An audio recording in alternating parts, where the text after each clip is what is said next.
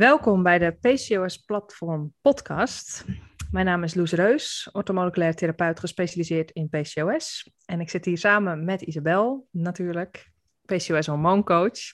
En we gaan het vandaag hebben over wat de oorzaak is van tussentijdse bloedingen. En welke oorzaak vaak ten grondslag ligt aan tussentijdse bloedingen bij PCOS. Nou, voordat we daarin gaan beginnen, daarmee gaan beginnen, um, dit is geen medisch advies. Dit vervangt geen hulp van je arts. Overleg altijd met je arts.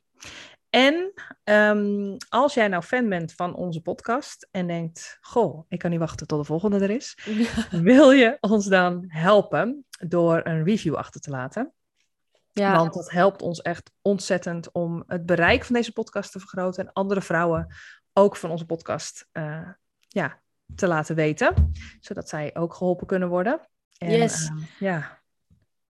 Ja, nou ja, um, we krijgen heel vaak ook berichten van vrouwen die heel veel, uh, heel, ja, heel lief en heel lovend zijn over onze podcast, zeker op Instagram.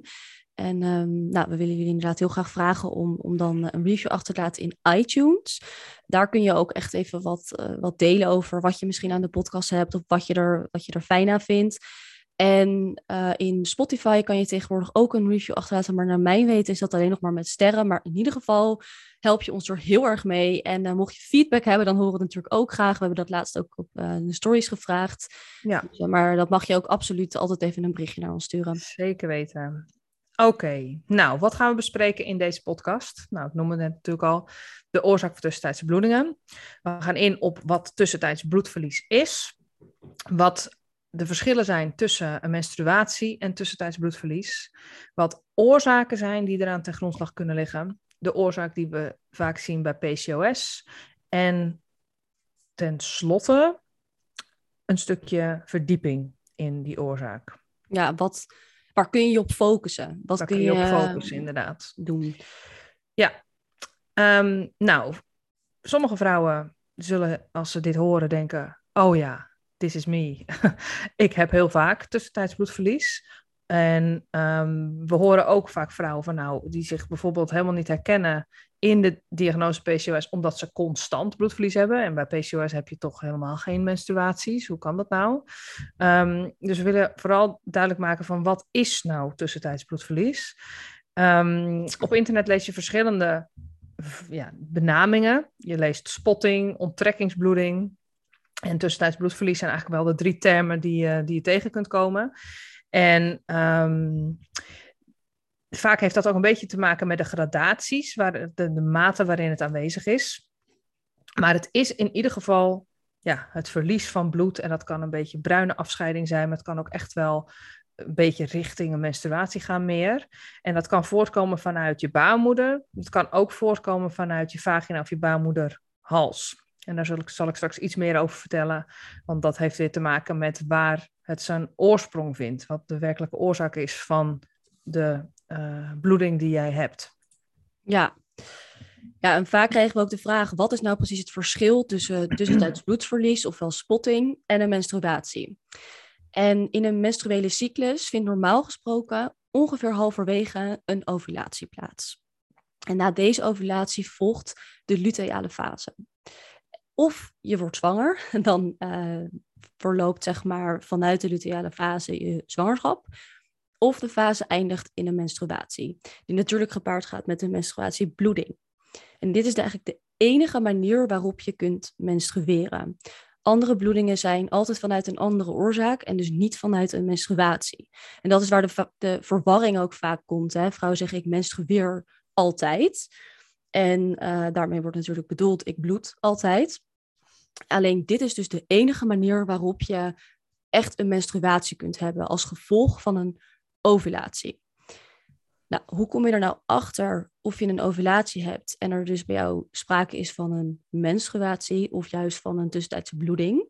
En de enige manier die uh, wij kennen, die ook betrouwbaar is, zeker bij PCOS, is je basale lichaamstemperatuur meten. En dat is de temperatuur die je uh, in de ochtend hebt voordat je bent opgestaan, voordat je iets doet, meteen thermometer in je mond en je temperatuur meten. Dat noemen we de, dus de basale lichaamstemperatuur. En wanneer je uh, een, een, ovulatie hebt gehad, dan zie je een relatieve stijging van zo'n 0,2 tot 0,3 in die temperatuur. En dat komt door het hormoon progesteron. Dus dat alleen maar wordt aangemaakt in grotere hoeveelheden na de ovulatie. Nou, er is natuurlijk een andere manier om dit te controleren en dat, is een, dat, dat zijn testen in het ziekenhuis, progesteronmetingen. Nou ja, je moet dit wel een tijdje doen om te zien of er verschil is. Dus je zult natuurlijk het verschil tussen je uh, folliculaire fase, dat is het begin van je cyclus, en de luteale fase moeten waarnemen.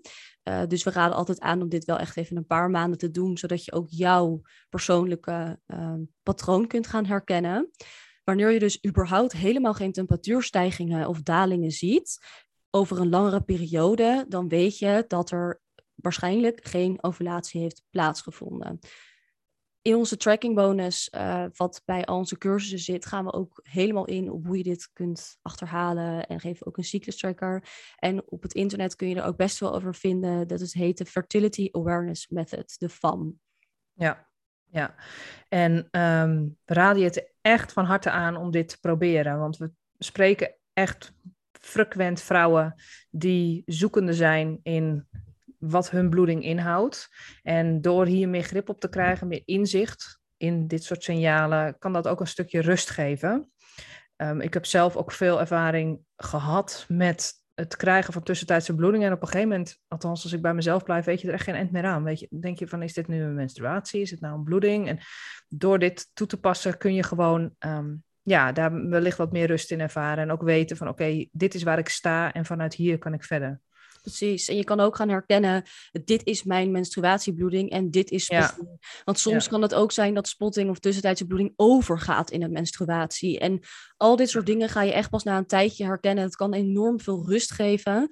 Uh, als je inderdaad weet waar je staat en wat er gebeurt. Dan zit je niet in die onwetendheid. Wat gebeurt er eigenlijk in mijn lichaam? En ook ik heb echt, echt heel erg veel uh, aan het uh, tracken van mijn cyclus. Het is echt een hele prettige gewoonte. En laatst, sommige vrouwen vinden altijd een beetje lastig om mee te beginnen. Je kunt trouwens gewoon een hele makkelijke, goedkope twee decimale thermometer verkopen. Maar laatst zei iemand van ja, het begin is het even wennen, vergeet je het af en toe. Maar op een gegeven moment is het gewoon net zoiets als tandenpoetsen. En dat ja. is ook zo. Dus eigenlijk... Ja, ik ben ook wereldkampioen vergeten geweest. En het helpt echt om even een wekkertje te zetten met een ander geluidje. Zodat als je ochtends wakker wordt, dat je dan denkt, huh? oh ja, ik moet tracken.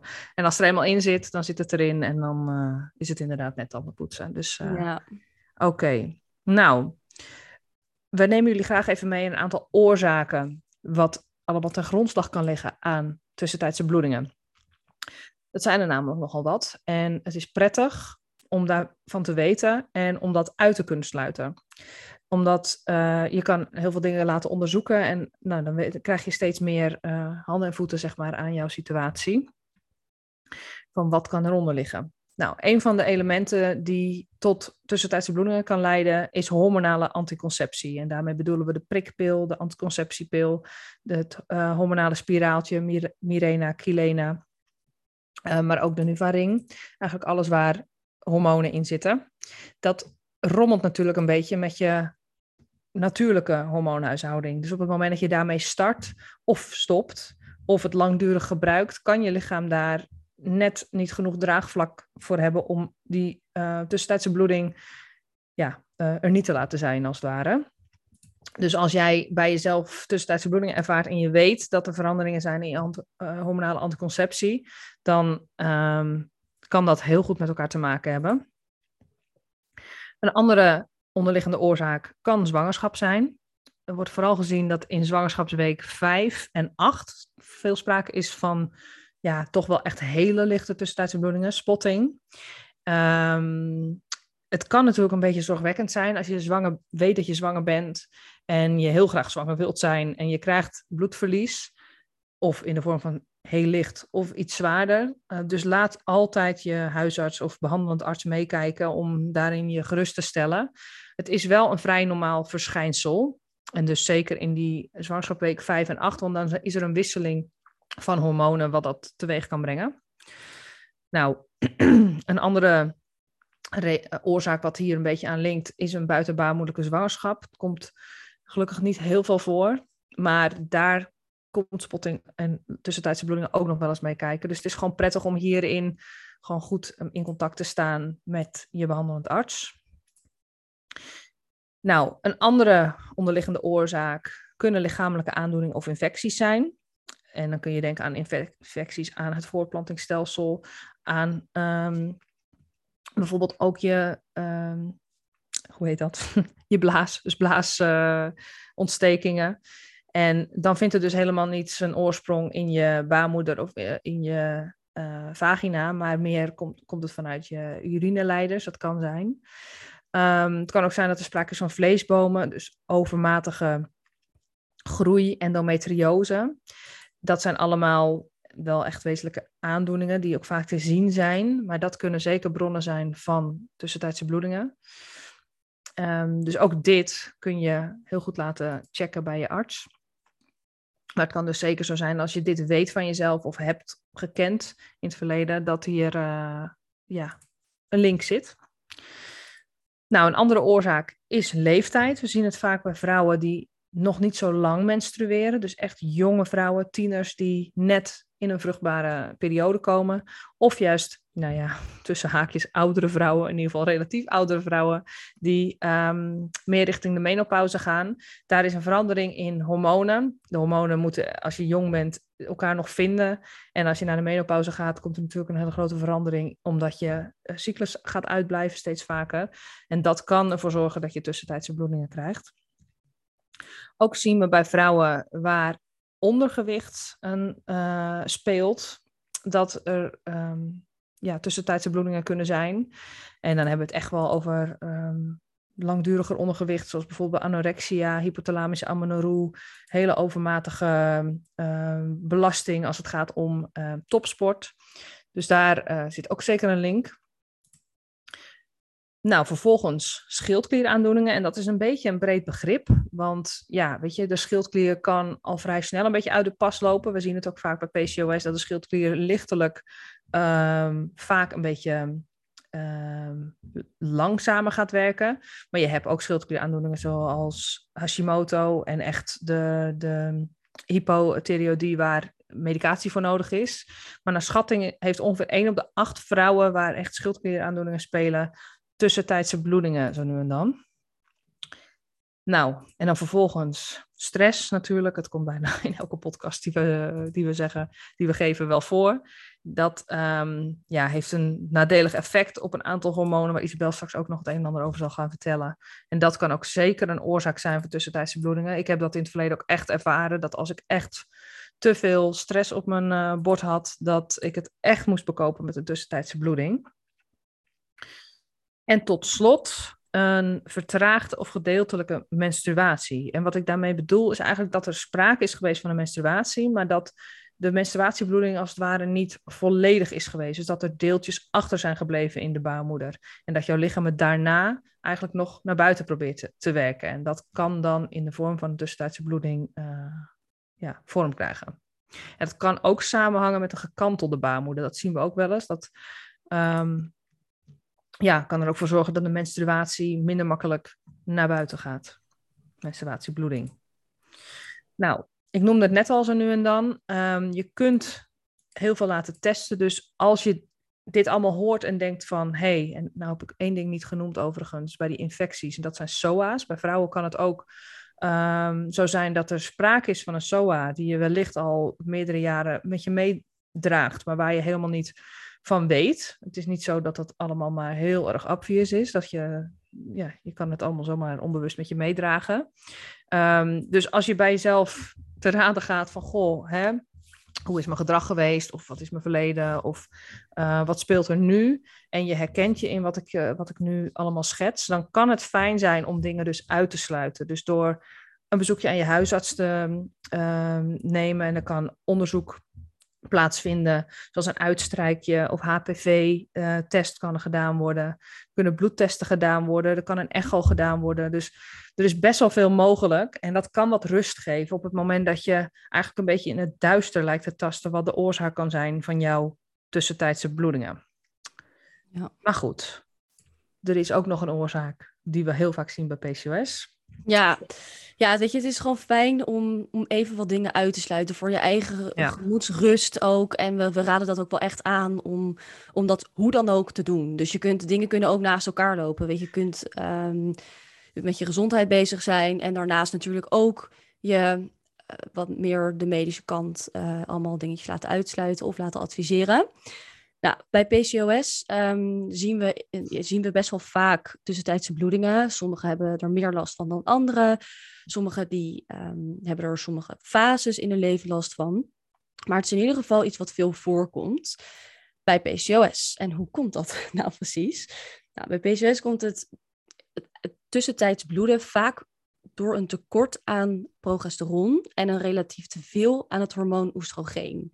Want eigenlijk allebei deze hormonen die spelen een, een grote rol bij het ontwikkelen, het vasthouden en het uitrijpen van het baarmoederslijmvlies. En als die hormonen te veel of te weinig aanwezig zijn, dan, uh, dan kan er eigenlijk een soort verstoring plaatsvinden. Zeker met name als er een tekort is aan progesteron. Dan kan bijvoorbeeld het baarmoederslijmvlies wat sneller loslaten. En dat is wat er in dit geval ook kan leiden tot een bloeding. Nou, waarom komt dit bij PCOS nou zo vaak voor? Want het komt ook bij vrouwen die geen PCOS hebben vaker voor.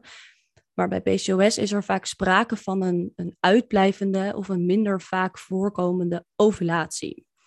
Dus eigenlijk zeggen ze vaak je cyclus blijft uit, maar daarmee bedoelen we eigenlijk altijd die ovulatie blijft uit. Bij die ijsprong, dus bij die ovulatie springt namelijk het eitje en dan blijft er een omhulsel over. Dat heet het corpus luteum of het gele lichaam. De naam mag je op zich vergeten, maar uh, wat belangrijk is om te onthouden is dat dit corpus luteum, dat omhulseltje, dat vormt zich eigenlijk binnen no time tot een klier die het hormoon progesteron gaat aanmaken. En dat is ook eigenlijk de reden waarom, we hadden het net over het tracken van je cyclus, waarom je temperatuur stijgt nadat je een ijsprong hebt gehad.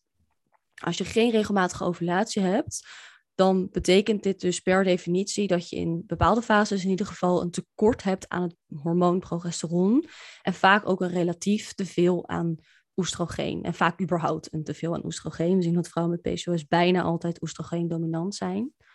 Nou, wat je hiervan kunt onthouden bij tussentijdse bloedingen, als als je deze podcast luistert en je daarin herkent, dan zijn er een aantal dingen van belang om je op te gaan focussen.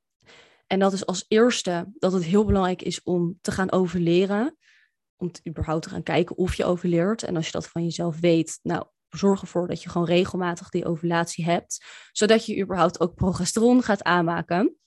Nou, ten tweede is het belangrijk om je progesteronproductie te boosten of te verhogen. Nou, je hebt bijvoorbeeld bepaalde voedingsstoffen die uh, belangrijk zijn bij de aanmaak van progesteron. En dat is onder andere vitamine C uit een natuurlijke bron. En zo zijn er nog heel veel dingen die belangrijk zijn bij je progesteron. Maar met name is dat dus um, voldoende eten, voldoende energie krijgen en dus voldoende voedingsstoffen binnenkrijgen. Als derde wil je stress minimaliseren. En dit is heel erg belangrijk, want stress rooft progesteron en stress werkt de functie van progesteron tegen. Dus dan kan er bijvoorbeeld wel genoeg progesteron zijn, maar dan kan het zijn functie niet voldoende uitoefenen. Want en waarom het zeg maar stress, of waarom um, stress progesteron rooft, is omdat uh, voor de aanmaak van stresshormonen progesteron nodig is. Dus op die manier rooft het het, zeg maar. Want als er stress is, worden er meer stresshormonen aangemaakt en wordt dus meer progesteron geroofd.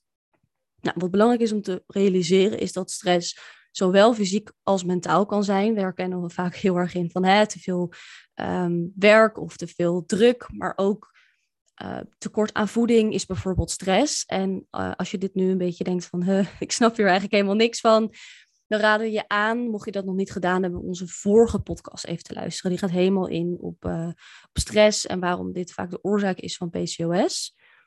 En als vierde is het belangrijk om je te focussen op het verlagen van je oestrogeen. Want te veel oestrogeen werkt ook weer de functie van progesteron tegen.